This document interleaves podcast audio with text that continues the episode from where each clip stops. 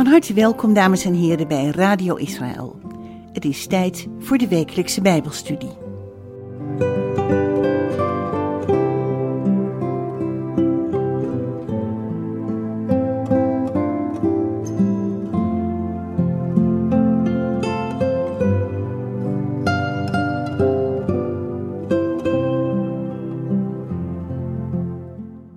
Shalom luisteraars. Messiaans Judaïsme. Dat is een wereldwijde beweging van gelovigen die terugkeren naar de Joodse wortels van het christendom. Is deze beweging geleid door Gods geest of is het een beweging die gelovigen onder de wet brengt, zoals eeuwenlang gezegd werd? Sommige gelovigen uit de volkeren gedragen zich ineens Joods, lopen met tzitzit en een keppeltje. Een enkeling is er zelfs van overtuigd dat hij zich moet laten besnijden. Gelovigen uit de volkeren zijn ineens actief met de Torah, de eerste vijf boeken van het Oude Testament, gebruiken Hebreeuwse termen, zingen Hebreeuwse liederen en hebben Israël lief. Sommige samenkomsten lijken op een dienst zoals die in de synagoge plaatsvindt. Door de grote verschillen in beleving en door de verschillende meningen en of visies ontstaat er bij een grote groep gelovigen verwarring. Een belangrijke vraag die gesteld wordt is de vraag hoe het nu zit met de identiteit van de niet-Jood. Moet een gelovige uit de volkeren nu wel of niet de Joodse gebruiken overnemen? Is hij bijvoorbeeld verplicht met een keppeltje rond te lopen, de Sabbat te houden en de Bijbelse feesten te vieren?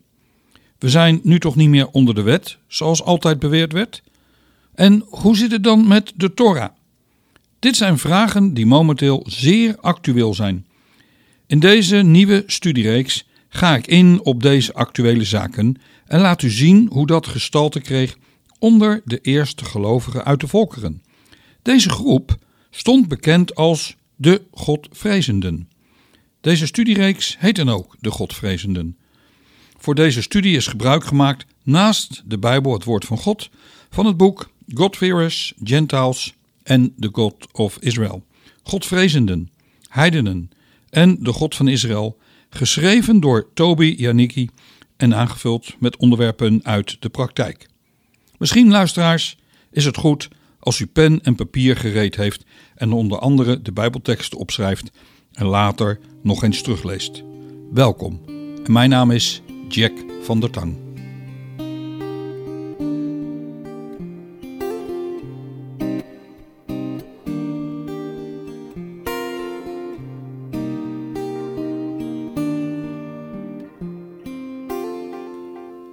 Shalom luisteraars, van harte welkom bij weer opnieuw een nieuwe studie uit de serie De Godvrezende. We zijn afgelopen week gebleven bij het feit dat we eerst naar Handelingen 15 hebben gekeken naar de vier geboden die erin staan. We hebben hiervoor al laten zien dat die vier geboden vier categorieën zijn. En dat is heel duidelijk uit het woord van God te leiden, in tegenstelling tot een aantal Bijbelleraren die keihard beweren dit is het enige wat we moeten doen. En toen zijn we daarna verder gegaan en halverwege ben ik gestopt om te laten zien vanuit de Bijbel wat er allemaal nog wel niet meer is. Wat er staat, wat voor ons als heidenen geldt. Hoe moeten we daar nu mee omgaan? En ik zeg u steeds, het woord van God is bepalend voor u en voor mij, niet de mening. En ik hoor de afgelopen weken meer en meer hoe er gediscussieerd wordt, hoe er allerlei opmerkingen en allerlei zaken zijn, hoe men bijvoorbeeld leert dat de besnijdenis weer terug is. Ik hoop met deze studie veel onduidelijkheid weg te nemen. En niet de mening van mensen, maar het woord van God moet centraal staan. Dus u moet ook alles wat ik zeg toetsen aan Gods woord. We hebben het gehad dus de laatste keer waar ik eindigde over het betalen van wel of niet rente. Nou, als u dat wil, dan moet u wil weten hoe dat zat. Dat is dan aflevering 7 aan het einde. Nu gaan we even kort naar een aantal punten kijken. Ik kan niet overal te veel op ingaan. Het boek geeft dat ook niet aan trouwens. En dan kom ik nooit van de studie af. Maar nu even over het offeren. Hoe zit het nu met die tempel? Hoe zit het nu met dat offeren? Ook een zaak die geleerd wordt dat men eigenlijk eh, niet hoeft te offeren, dat dat niet geldt voor ons. Wat is de rol van de heidenen? Jesaja 56 vers 7 zegt het volgende. Hen, dat gaat dus over de Godvrezende, hen zal ik ook brengen naar mijn heilige berg. Ik en ik zal hen verblijden in mijn huis van gebed. Hun brandoffers en hun slachtoffers zullen welgevallig zijn op mijn altaar. Want mijn huis zal een huis van gebed genoemd worden voor alle volken. En die tekst, mijn huis zal een huis van gebed genoemd worden van alle volken, wordt door heel veel kerken soms gebruikt ook voor de naam van een kerkgebouw, voor de naam van hun bediening, voor de naam van het gebed. Maar heel veel van die groepen geloven niet dat er ooit een tempel komt. Maar dit gaat dus over de tempel die in Jeruzalem gebouwd zal worden, waar de Messias zal regeren. Maar, zegt u dan gelijk, ho ho Jack, nadat Jezus Yeshua is gekomen, wordt er niet meer geofferd. Is dat zo? Luisteraars, werd er niet meer geofferd. Weet u, Paulus, Paulus die offerde ook. En dat kunnen we zien in Handelingen 21. Ik ga dan ook lezen vanaf vers 21. Handelingen 21 vanaf vers 21. Men heeft over, het gaat over Paulus die dus terugkomt in Jeruzalem. Men heeft hun over u verteld dat u alle Joden die onder de heidenen wonen leert afvallig te worden van Mozes. Doordat u zegt dat zij de kinderen niet moeten besnijden en ook niet moeten wandelen overeenkomstig de gebruiken van de wet. Wat staat ons nu te doen? Het is beslist noodzakelijk dat heel de menigte samenkomt want zij zullen horen dat u gekomen bent. Doe daarom wat wij u zeggen. Wij hebben vier mannen die een gelofte gedaan hebben. Neem die bij u. Reinig u samen met hen en betaal voor hen de kosten van de offers, zodat zij zich het hoofd kunnen laten scheren en allen kunnen weten dat er niets waar is wat van hun over u verteld is, maar dat u zo wandelt dat u ook zelf de wet in acht neemt. Dit laat dus zien dat er nog steeds geofferd werd. Maar geen offers voor de zonde. Onthoud dat goed en later, als ik hierna een studie ga doen over het bloed, zal dat nog aan bod komen. Misschien zegt u wel, ja Jack, luister, dit gaat over een, dat is uit Jezaja waar dat over gesproken wordt. Dit heeft misschien met de tweede tempel te maken. Nee, als u heel goed leest, gaat het heel duidelijk over de tempel. Dat kunt u bij wijze van aan het begin zien in handen, of uh, Jezaja 2, waarin staat dat in de eindtijd de Messias de wereld zal regeren vanaf de tempel, vanuit de tempel, vanaf de tempelberg. Dat is goed om te weten en te beseffen dat dus daar het over gaat. Maar daar kom ik dus later nog op terug in de studie over het bloed, hoe dat zit met dat offeren. Nou, dan hebben we natuurlijk het onderwerp rein en onrein. Nou, dat is rechtstreeks komt dat en heeft dat verbinding met de tempel en met de offers. Doordat er geen tempel meer is, zijn de meeste regels van rein en onrein ook niet toepasbaar voor de Joden. Zekere zin zijn alle Joden in een soort staat van onreinheid, om het, dat het niet mogelijk is om je te reinigen, omdat er geen as is van een rood rund. De Joodse leer of wet verklaart dat de ruim 20 wetten uit de Torah over de reinigingswetten niet bestemd en toepasbaar zijn door de heidenen. Of er nu wel of geen tempel is. En dat wordt door de wijze rabbijnen gelezen in de schrift. Hoe dan? Nou, als je gaat naar Leviticus 15 vers 2 of hoofdstuk 12 vers 2, dat begint dan zo: Spreek tot het volk Israël. Alhoewel dit een rabbijnse traditie en een rabbijnse leer is, en rabbijnse tradities en rabbijnse leerstellingen, dat zijn zaken waar de apostelen het hier niet altijd mee eens zijn, niet altijd mee akkoord gaan, hebben nu ook de apostelen gesproken over reinheid met betrekking tot de nieuwe gelovigen. Als je gaat kijken naar het boek Handelingen, dan zien we al gelijk toen de nieuwe gelovigen kwamen dat de vraag ontstond: zijn zij nu wel of niet ritueel rein? En het visioen wat Petrus krijgt voordat hij naar het huis van Cornelius gaat, heeft alles met die vraag te maken. Er was dus nu een serieus probleem ontstaan bij de Joden. Hoe moeten wij en hoe moesten ze toen omgaan met die nieuwe gelovigen uit de volkeren? Yeshua die leert in Matthäus 28: Ga dan heen, onderwijs al de volken, hen dopend in de naam van de Vader en van de Zoon en van de Heilige Geest, hun lerend alles wat ik u geboden heb in acht te nemen. Wij zijn alles kwijtgeraakt van de doop in relatie met de Joodse symboliek. Het dopen, de rituele onderdompeling, of ook wel de tevila, werd in de eerste eeuw nog volledig gezien als een daad van rituele, een rituele daad voor reinheid.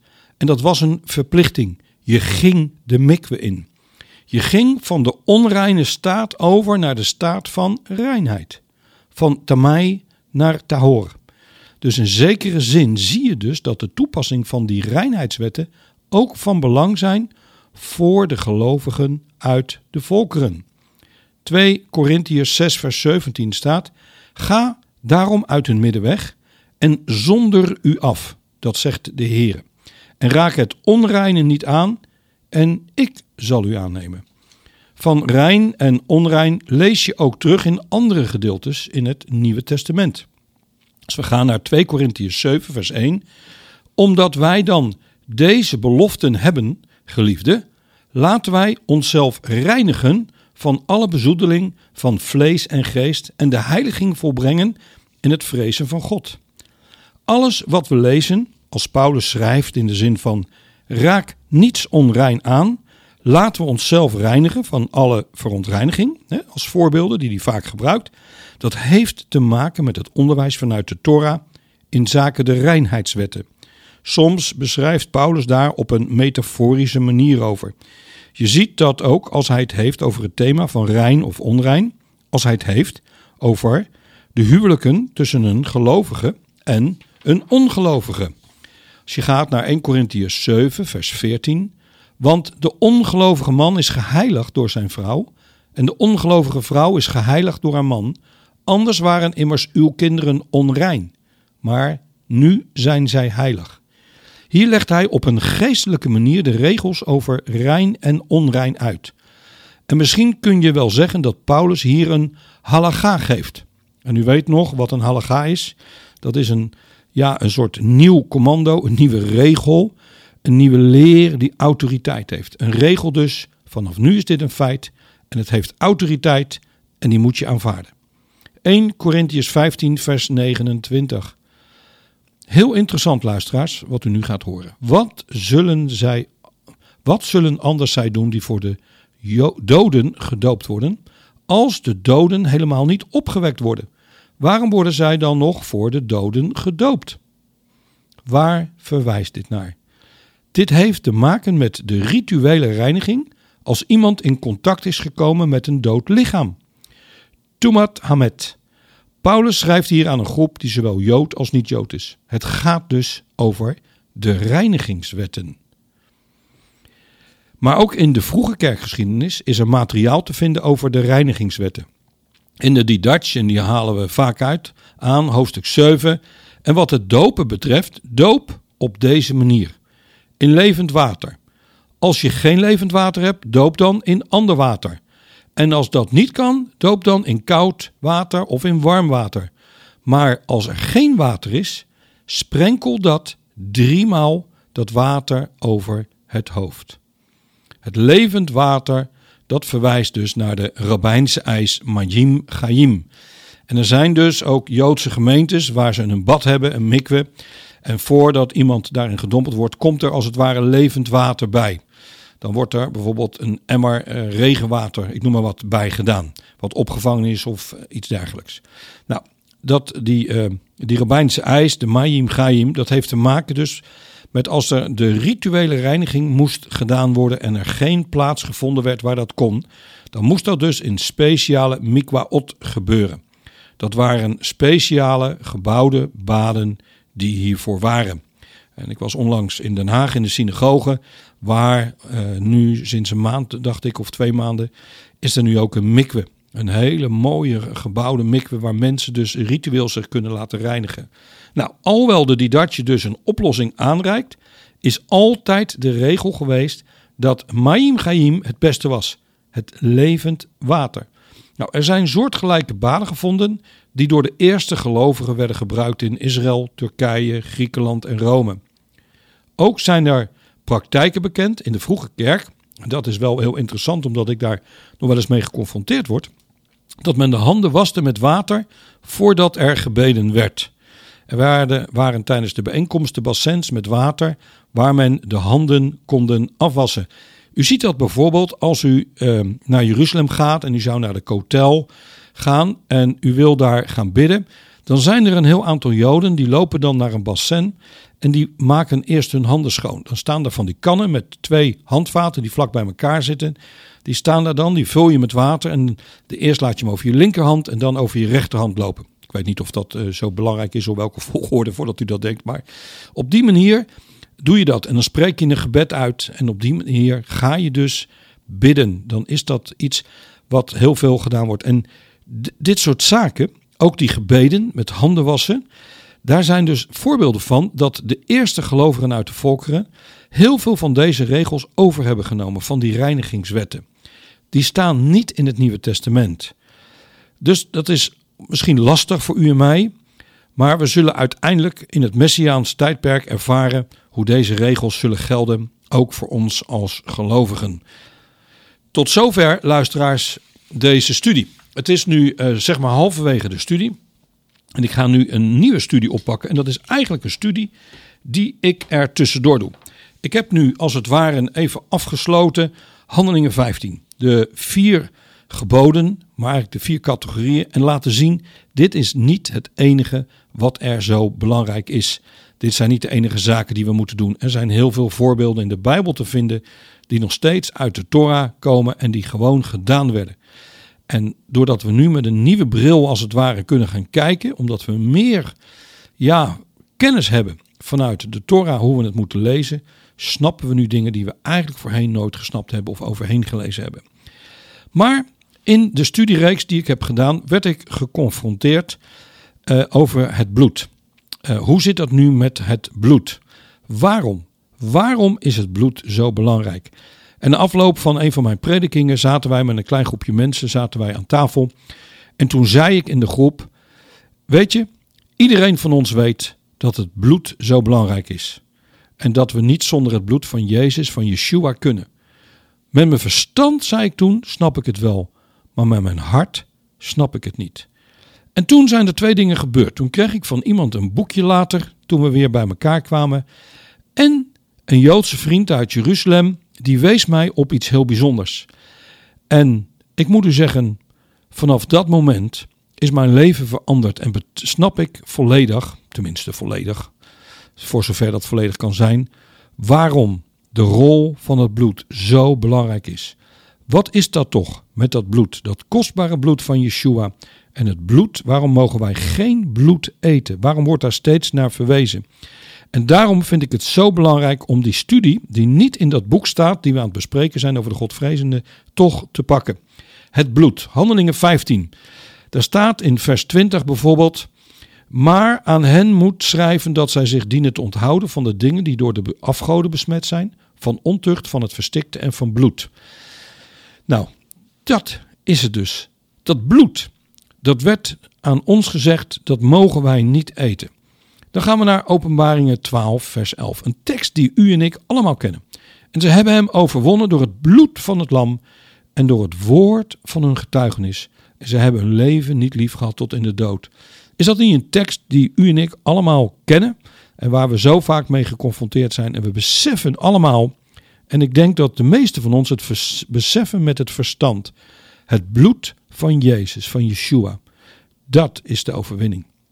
Exodus 12, we gaan naar de Torah, vers 21. Toen riep Mozes al de oudsten van Israël bijeen en zei tegen hen: Kies uit en neem voor uzelf klein vee voor uw gezinnen en slacht het paaslam.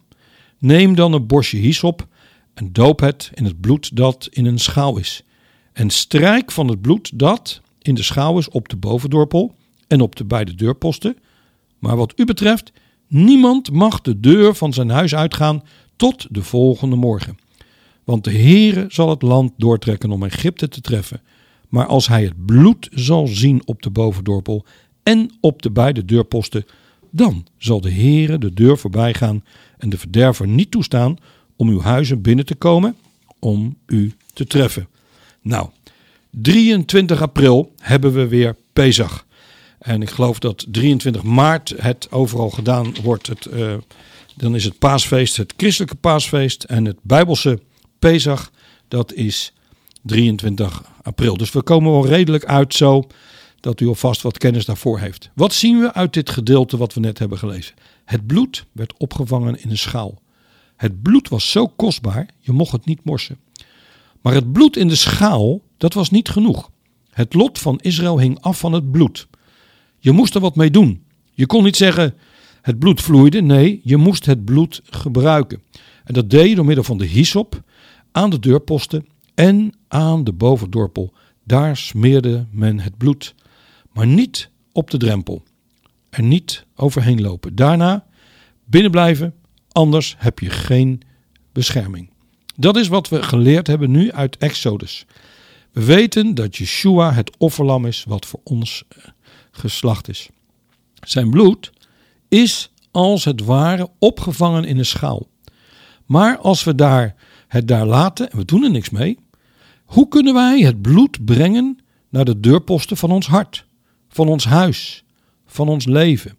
Openbaring 12, vers 11, wat we net ook al hebben gelezen, dat zegt: En zij hebben hem overwonnen door het bloed van het lam en door het woord van hun getuigenis. En ze hebben hun leven niet lief gehad tot in de dood. Luisteraars, waarom? Waarom is het bloed zo ongelooflijk belangrijk? Laten we eens gaan kijken naar Genesis 1, vers 27. En God schiep de mens naar zijn beeld. Naar het beeld van God schiep hij hen. Mannelijk en vrouwelijk schiep hij hen. En God schiep de mens naar zijn beeld. Naar het beeld van God schiep hij hen. Mannelijk en vrouwelijk schiep hij hen. En de mens Adam, daar staat hier in het Hebreeuws Adam. Dat weet u allemaal. Adam, de mens, daar staat Adam. Apart is dat later het niet als mens staat, maar als Adam genoemd wordt in de vertalingen. Nou, volgens Wikipedia, en ik denk dat u dat allemaal weet, als ik aan u zou vragen, wat betekent Adam? Adam, mens, dat is in het Hebreeuwse gedachte van rood, rode aarde, is verwant aan het Hebreeuwse woord Adama, aarde. De eerste mens is aards uit de rode aarde. Mens, zo heb ik het altijd geleerd. Dat is mens. Maar deze Joodse vriend die mij erop wees, die zei het volgende. En u kunt daar ook bij het studiehuis Rishit een, een hele mooie studie over vinden. Over de betekenis van Adam. Hoe schrijf je dat in het Hebreeuws? En u weet van rechts naar links. Dan staat er Alef, Dalet, Mem. Drie Hebreeuwse letters. De eerste is Alef. En dat is de letter, de eerste letter van de naam van onze schepper. Het verwijst naar hem. Hij is ook de eersteling uiteindelijk. En dan krijgen we de dalet en de mem. En dat is dam. En dat staat voor bloed. En dat betekent dus uiteindelijk dat er staat: de mens is Gods bloed. Het is mijn bloed, zegt God. De mens is mijn bloed. Snapt u dat? Als er dan staat in Genesis 4, vers 10 en 11, waarin de Heere God zegt: Wat hebt u gedaan? Er is een stem van het bloed van uw broer dat van de aardbodem tot mij roept. Nu dan, u bent vervloekt. Weg van de aardbodem die zijn mond heeft opengedaan om het bloed van uw broer uit uw hand op te nemen. Vindt u dat niet ongelooflijk? Dat het bloed, dat de mens Gods bloed is. Leviticus 17, vers 10 en 11. Iedereen uit het huis van Israël en van de vreemdelingen die in hun midden verblijven, die wat voor bloed dan ook gegeten heeft, tegen die persoon die dat bloed gegeten heeft, zal ik mijn aangezicht keren en ik zal hem uit het midden van zijn volk uitroeien. En dan staat er in vers 11, en die tekst kun, ja, die kennen we ook allemaal, want het leven van het vlees is in het bloed. En ik heb dat zelf voor u op het altaar gegeven om voor uw leven verzoening te doen. Want het is het bloed dat door middel van het leven verzoening bewerkt. Want omdat de dood er door een mens is, is ook de opstanding van de doden er door een mens. Want zoals allen in Adam sterven, zo zullen ook in Christus allen levend gemaakt worden. En dat laatste komt uit 1 Corinthians 15, vers 21 en 22. Omdat de dood er is door een mens, is ook de opstanding van de doden er door een mens. Want zoals allen in Adam sterven, zo zullen allen ook in Christus levend gemaakt worden. Mensen, hoe zit dat nu met dat bloed? Adam. Alle mensen zijn verbonden door Adam. Hij is de eerste mens. En omdat Adam gezondigd heeft, is, hebben alle mensen de gevolgen van de zonde in zich. Op wat voor manier dan? Door het bloed. Het bloed namelijk draagt vanwege de zonde van Adam de straf van de dood in zich. Daarom moeten u en ik, ieder mens, eens sterven. Het leven is in het bloed. Als de mens dus moet sterven, is dat omdat de dood in het bloed zit. Snapt u het? Eén mens.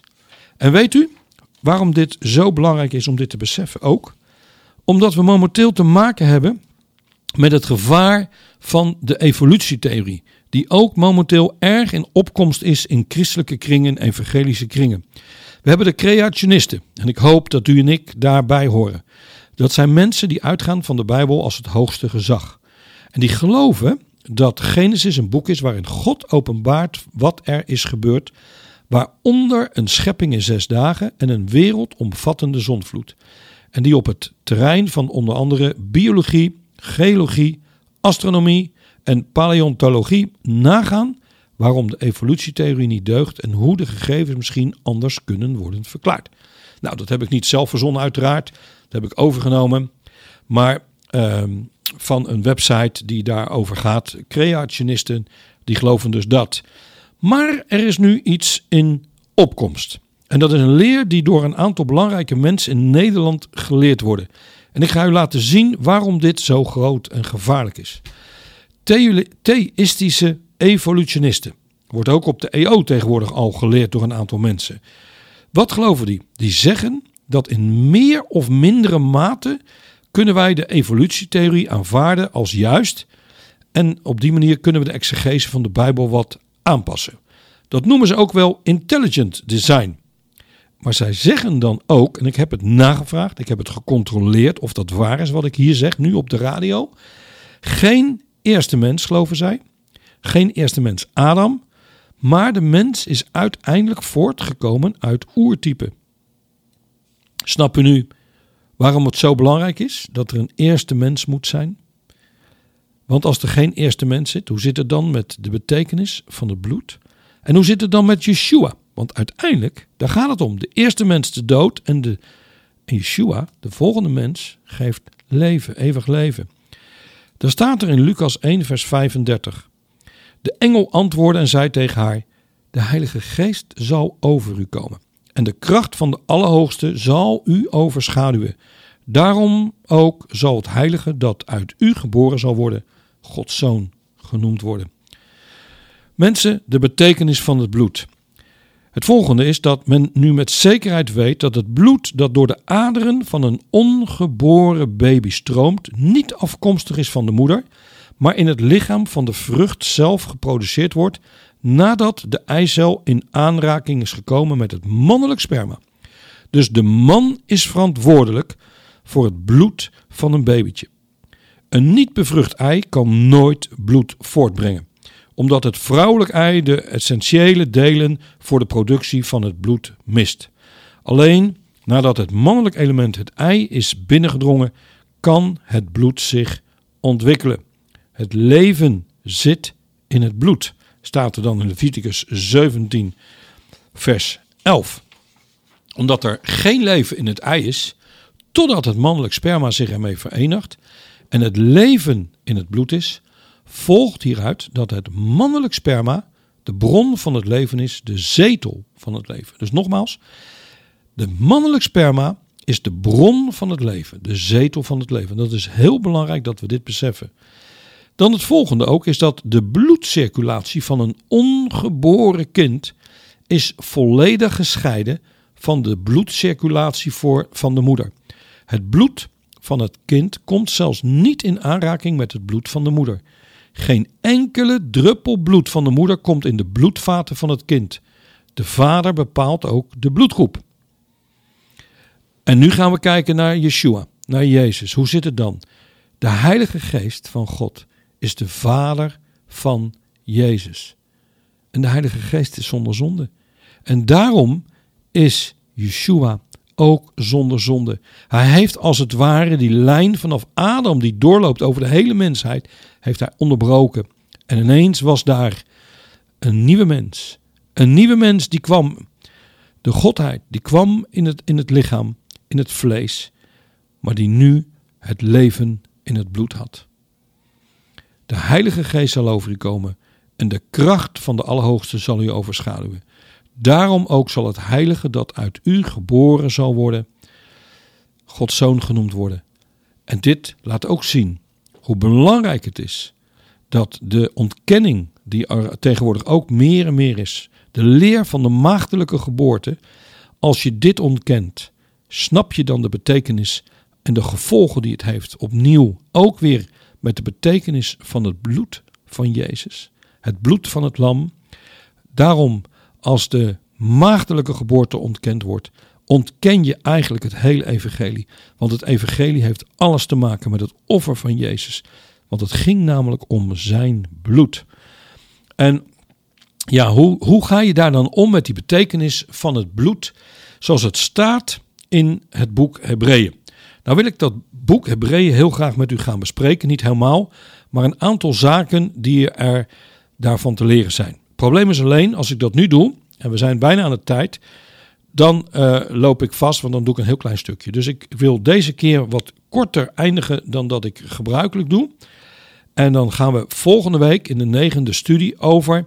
En dan gaan we kijken naar een aantal teksten uit Hebreeën. Want die hebben namelijk ook te maken met de uitleg zoals we dat hebben gezien. Hoe zit dat nu met dat offeren? En hoe zit het nu met het boek Hebreeën? En ik denk dat dat ook een ongelofelijke diepte geeft. Ik vind het boek Hebreeën voor mij zo'n openbaring geworden. Ik vind het zo'n bijzonder mooi boek. Daar gaan we het volgende week over hebben. Ik hoop in ieder geval dat deze studie voor u een bijzondere studie is en dat het ook een, leidt dat mensen ja, relaxed worden in wat is voor ons, wat is niet voor ons, hoe moeten we daarmee omgaan. Tot zover deze studie.